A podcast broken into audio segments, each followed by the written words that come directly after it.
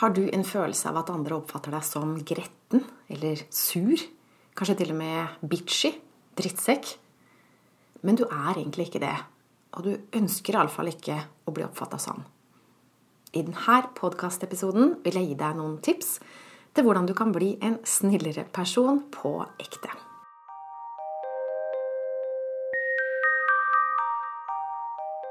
Jeg heter Line Strandvik, og jeg jobber online som personlig veileder, hvor jeg hjelper skilte til et godt liv med glade barn.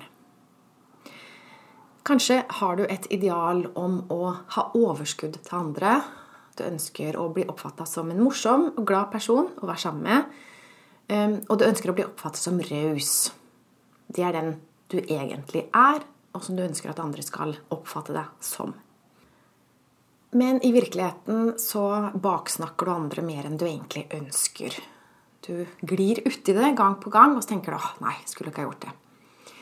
Kanskje sliter du litt med misunnelse. Det er noen du er misunnelig på. Eller kanskje du er sjalu. Følelser du egentlig ikke ønsker å ha, men de er der likevel.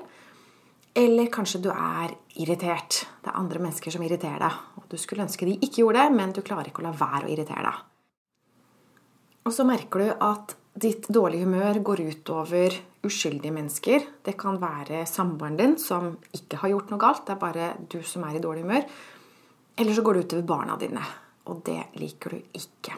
Så du ønsker å finne en løsning på hvordan du kan bli snillere. Det er mange som har funnet en løsning, men det er en falsk løsning. En løsning som ikke funker. Noen løser det ved å finne en syndebukk noen de kan hakke på og ta det ut på. Og jeg har til og med hørt noen si at han kan jeg spise litt av. Spise litt energi eller bruke litt. Og det er vel mer eller mindre ubevisst at noen gjør det. Men det som skjer her, er at de projiserer sine mindre flatterende sider over i andre. Og så rendyrker de sine egne gode sider, og til slutt så tror de at de er bare gode. De føler seg bare gode, mens i virkeligheten så har de bare skjøvet sine problemer over i andre mennesker. Og det er sånn man utvikler narsissisme. Det er ikke ekte. Den gode personen man tilsynelatende er, det er ikke ekte, og det vil ikke vare. Det, det opparbeides ja, Kall det gjerne karma, men det vil, det vil bite dem i halen før eller siden.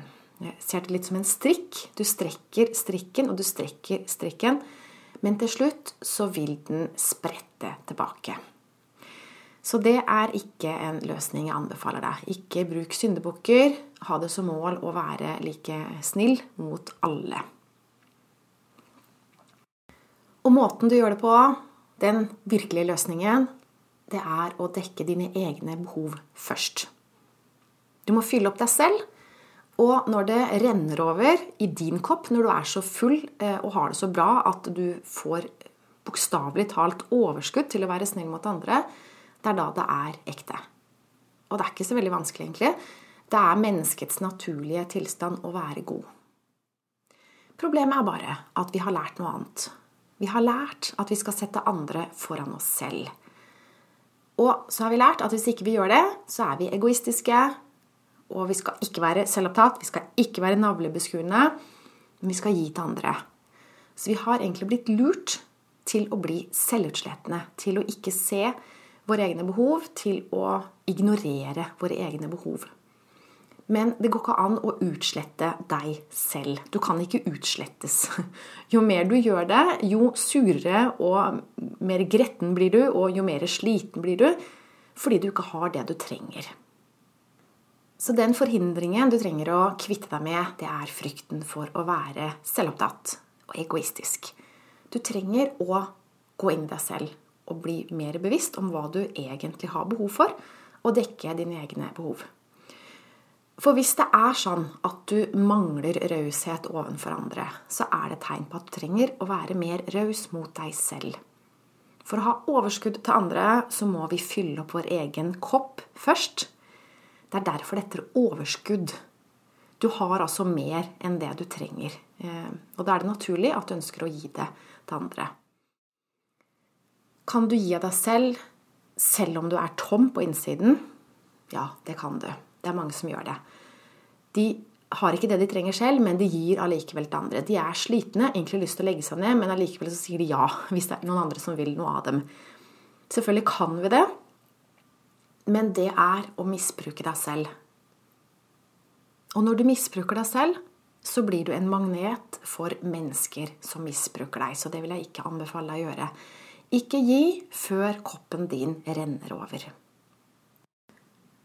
Så det jeg vil du skal gjøre neste gang du blir sur på noen andre, eller merker at du ikke har overskudd, merker at du ja, er irritabel Finn ut av hvilket behov er det du har akkurat nå som ikke er dekka.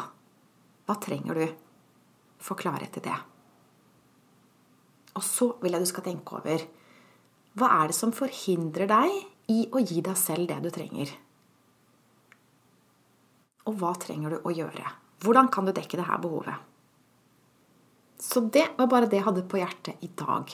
Hvis du ønsker å bli snillere mot andre, så må du først bli snillere mot deg selv. For hvis du er snill mot deg selv, så kommer det å være snill mot andre helt automatisk. Så start med å gi til deg selv. Og hvis du mangler klarhet i egne behov, så tilbyr jeg personlig veiledning. Enten over telefon eller ved hjelp av et online-kurs med mailsupport. For å undersøke den muligheten, gå inn på websiden min linestrandvik.no, og klikk på e-butikk, og så kan du se hva jeg tilbyr der. Og før jeg slipper deg helt, og før du begynner å gjøre noe for andre, så vil jeg at du skal nå kjenne etter. Hva er det du trenger akkurat nå? Hva er det behovet du har utsatt lenge? Hva kan du gjøre akkurat nå for å ta ett skritt i retning av å dekke det behovet? gjør det nå. Én ting. Ok? Supert. Tusen takk for at du hørte med. Og som alltid, jeg ønsker deg en fin dag videre. Ha det godt.